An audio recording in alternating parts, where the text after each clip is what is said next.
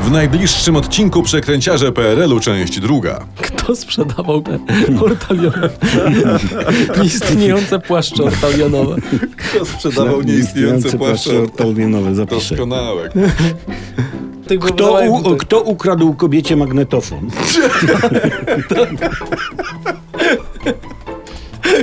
I kto w za małych butach nagrywał Solidarność?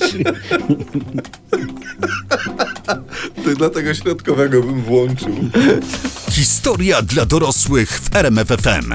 Czas na kolejną opowieść. Dzisiaj mówimy o największych przekręciarzach PRL-u. To jest drugi odcinek spotkania z nami, kiedy mówimy o, o tych panach. I mówić o nich bez gościa o pseudonimie Tulipan to jest troszeczkę tak, jakby opowiadać o polskiej polityce bez, uży, bez użycia słów Jarosław Kaczyński. No, tak, no tak, jeden i drugi znany z uwodzenia płci przeciwnej. dokładnie. A, Tulipan, Tulipan, ja pamiętam, tym pseudonimem w PRL-u ojcowie straszyli córki. Tak, mężowie straszyli żony. A starzy Niemcy straszyli stare Niemki. A to jak się straszy, przepraszam, stare Niemki po, po niemiecku? No że- chyba tak normalnie papierem bite, nie? No, Ausweiskontrolle czy coś No, takiego. A co wyście się tak tych Niemców przyczepili? A widzisz, bo, bo Tulipan, właściwie Jerzy Kalibabka, bo tak, Tak. się naprawdę nazywał, on zaczynał swój proceder od uwodzenia starszych Niemek.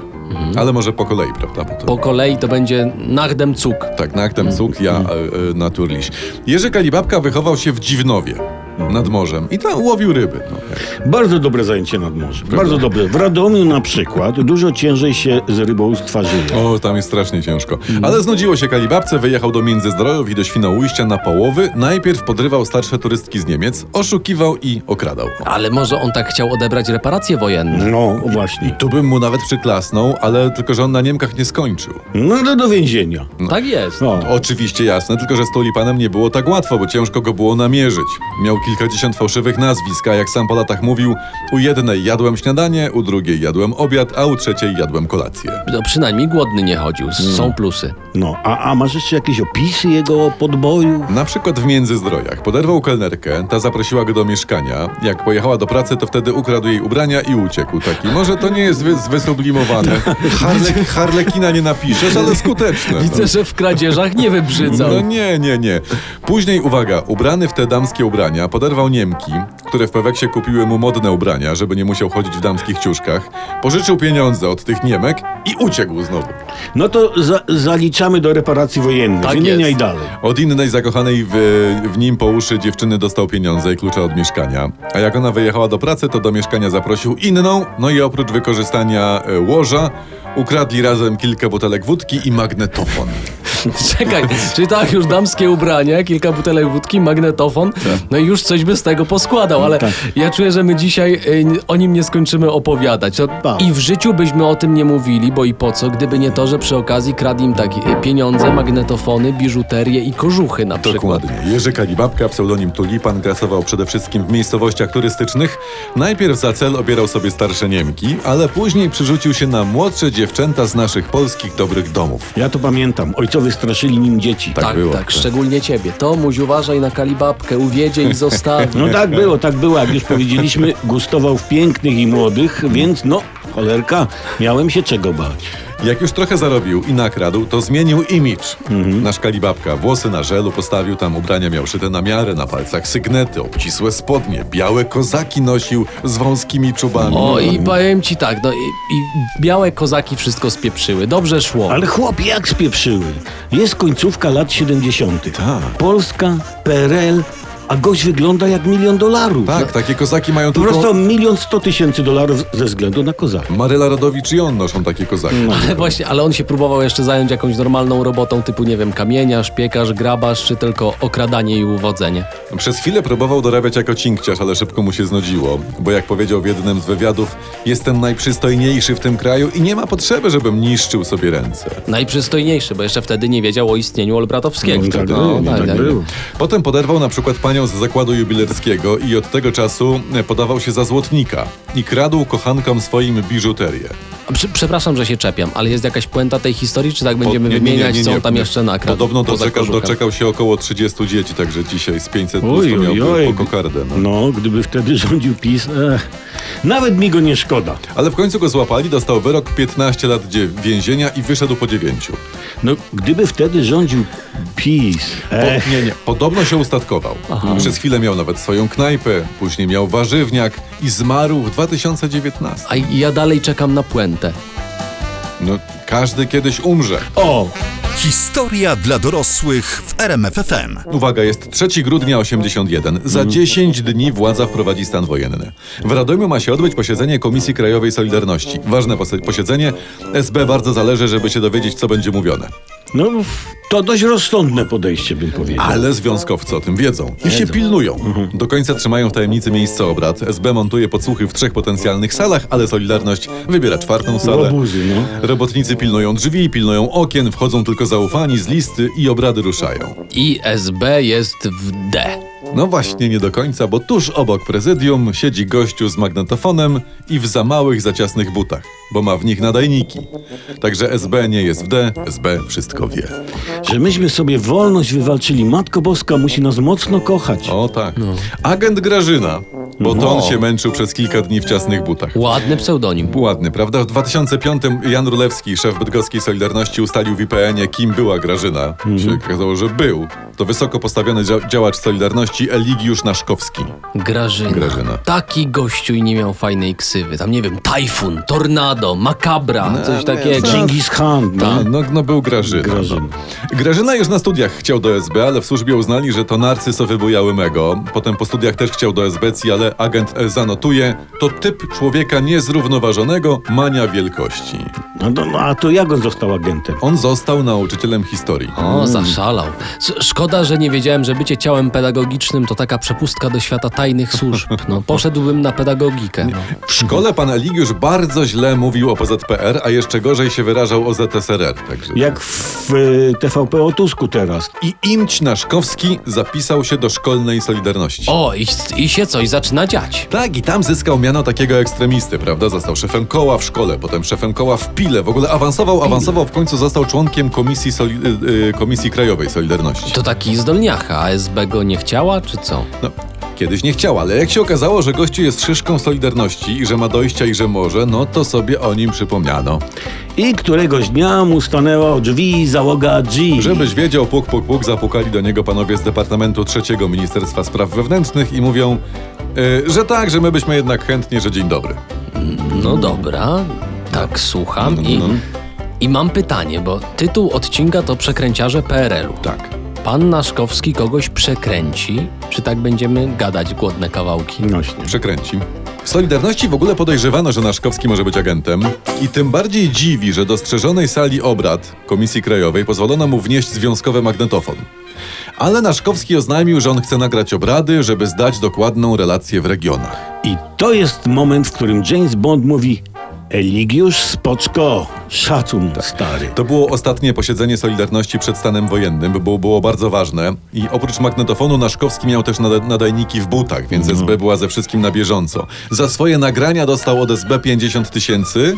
No to, była, to było kilka ówczesnych pensji. Tak, A to- żeby, żeby sobie skarpety wyprać. To nie? tutaj James pokręciłby z dezaprobatą głową. Tak, tak. Gentlemani i Mamona to się wyklucza, tak by powiedział James Bond. Naszkowskiemu jeszcze SB anulowała mandat, który dostał, gdy pędził z nagraniami do swojego oficera prowadzącego.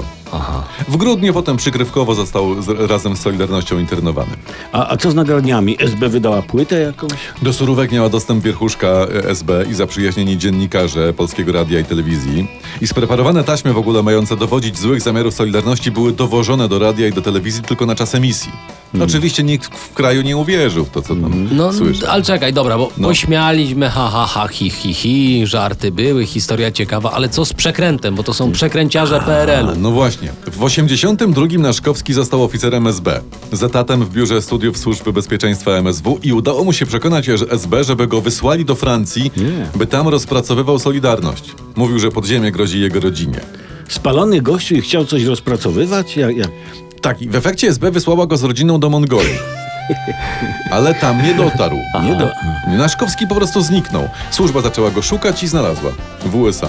Okazało się, że zos- został zwerbowany najpewniej przez Amerykanów. Pytanie kiedy, w którym momencie? A to ci.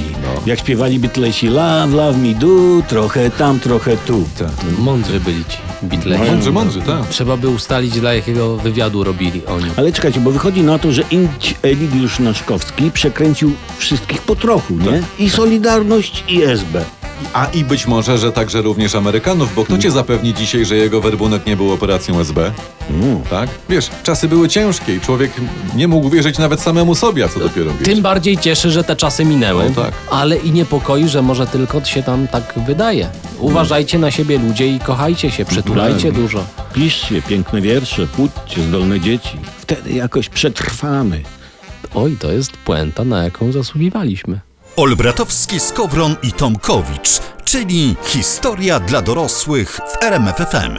Historia dla dorosłych, czyli prawdziwa wersja historii ujęta na podstawie rzeczywistych faktów prezentowanych e, z wdziękiem i dźwiękiem przez radiowców bez cenzury. I dzisiaj opowiadamy o największych przekręciarzach PRL-u, czyli ludziach, którzy naruszali prawo, ale no, robili to z wdziękiem.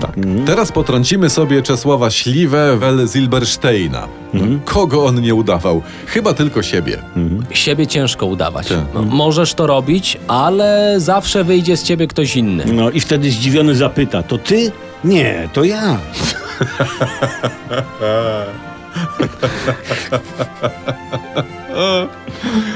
Śliwa. Śliwa. Wróćmy do tematu. Śliwa.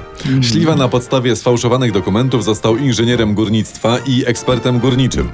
Był producentem odzieży, był magistrem włókiennictwa, twierdził, że jest podpułkownikiem izraelskiej armii albo wynalazcą spadochronu do hamowania samolotów odrzutowych. Wynalazcą lusterka wstecznego do żelazka też pewnie był. Skonstruował łopatę do ścielenia łóżka. Tak, i bezodrzutowe hamulce do sedesu. Tak, i on jeszcze wynalazł klakson do skakanki. Tak, tak. tak, już wiemy z kim mamy do czynienia. Czujemy śliwę i szanujemy. Nieśliwa po prostu zawsze był tym, kim chciał. Wyłudzał ogromne pieniądze, no ale z jakim wdziękiem. Z tak wielkim, że poszkodowani często nawet nie mieli żalu. Wielki talent, Wielki, wielki. W dzisiejszych czasach miałby pewne stanowisko premiera. Przecież, słuchajcie, no, rządzenie polega na wyłudzaniu od ludzi pieniędzy tak, by tego nie zauważyli, ale wręcz byli zadowoleni, wdzięczni. Tak, pobyt w, pobyt w więzieniu, bo Śliwa odbywał karę za oszustwa, był dla niego lekcją, że trzeba miejsca zamieszkania często zmieniać, podobnie jak tożsamości i podobnie jak zawody. Bardzo dobra zasada, szczególnie jak masz kredyt we frankach. Tak, ale tu widzimy różnicę między przekręciarzem prywaciarzem a przekręciarzem państwowym. Bo przekręciarz prywaciarz czasem trafia do ciupy, a państwowy nigdy. Tak, ale słuchajcie, bo najlepszy numer Czesia Śliwy dopiero przed nami. Odsiadywał kolejny wyrok, tym razem za sprzedawanie nieistniejących płaszczy ortalionowych handlarzom z Podhala. O, przegiął nasz Czesław. Można sprzedawać nieistniejące ortaliony, ale nie ludziom z Podhala, bo oni mają ciupagi. O, albo znają kogoś, kto ma. Dokładnie. Więzienie to najlepsze, co go mogło spotkać. I uwaga, kiedy w 1969 wyszedł z więzienia, to zgłosił się do ambasady Holandii z wnioskiem o wyjazd do Izraela. Polak po wyroku, czekaj, do, do ambasady Holandii o wyjazd do Izraela, ale gdzie Rzym, a gdzie Ciechanów? Nie, chodzi, chodziło mu o zdobycie jakiegoś pisma zagranicznej ambasady. Tu coś podfałszował, tam coś przerobił i pojechał do Wrocławia zakładać konsulat austriacki.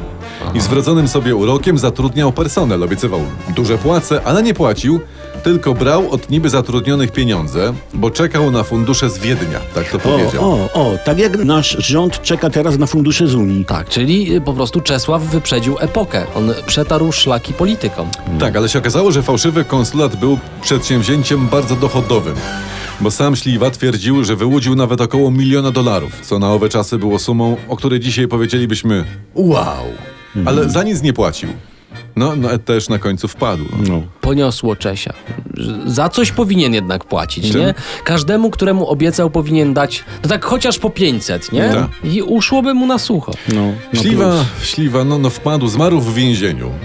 Podobno chciał przenieść się do lżejszego zakładu, połknął metalowy przedmiot i no w wyniku powikłań zmarł, prawda? Także... Oj, łza się wokół kręci. Słuchajcie, teraz już takich przekrętów nie robią. No, nie? teraz wszystko takie prymitywne, narympał, no. Ale Czesław robił to wszystko z wdziękiem, bo dużo czytał. A może to go, może go górale dopadli w tym No, więzieniu? nie? Czyli na koniec rada dla dzisiejszych oszustów. Czytajcie dużo, y, przekręcicie z wdziękiem. Tak jak my prezentujemy historię. Okej. Historia dla dorosłych w RMFFM. Podam kilka nazwisk i pseudonimów. No. Bolesław Chrobry, Mieszko Mhm. To znamy I, gości, tak. y, Laskonogi. Oni nie słuchali historii dla dorosłych. I co? I nie, Nie żyją. żyją. Nie, Nie żyją. żyją. Mhm. No. Przypadek? Nie sądzę. No Nie właśnie. sądzę. Więc jeśli nie chcecie, jeśli nie chcecie tak skończyć, to słuchajcie, jeśli y, dopiero teraz włączyliście, y, przypominamy, że podcasty z historią dla dorosłych do odsłuchania na rmfon.pl. Można sobie utrwalić, można nadrobić zaległości. Tak jest. Słuchajcie nas, puszczajcie nas swoim dzieciom, swoim żonom, swoim teściowym, róbcie notatki i przede wszystkim mówcie o nas dobrze na mieście. Radiowcy bez cenzury, Jacek Tomkowicz. Tomasz Olbratowski. I Przemysław owo-dżinsowych oczach.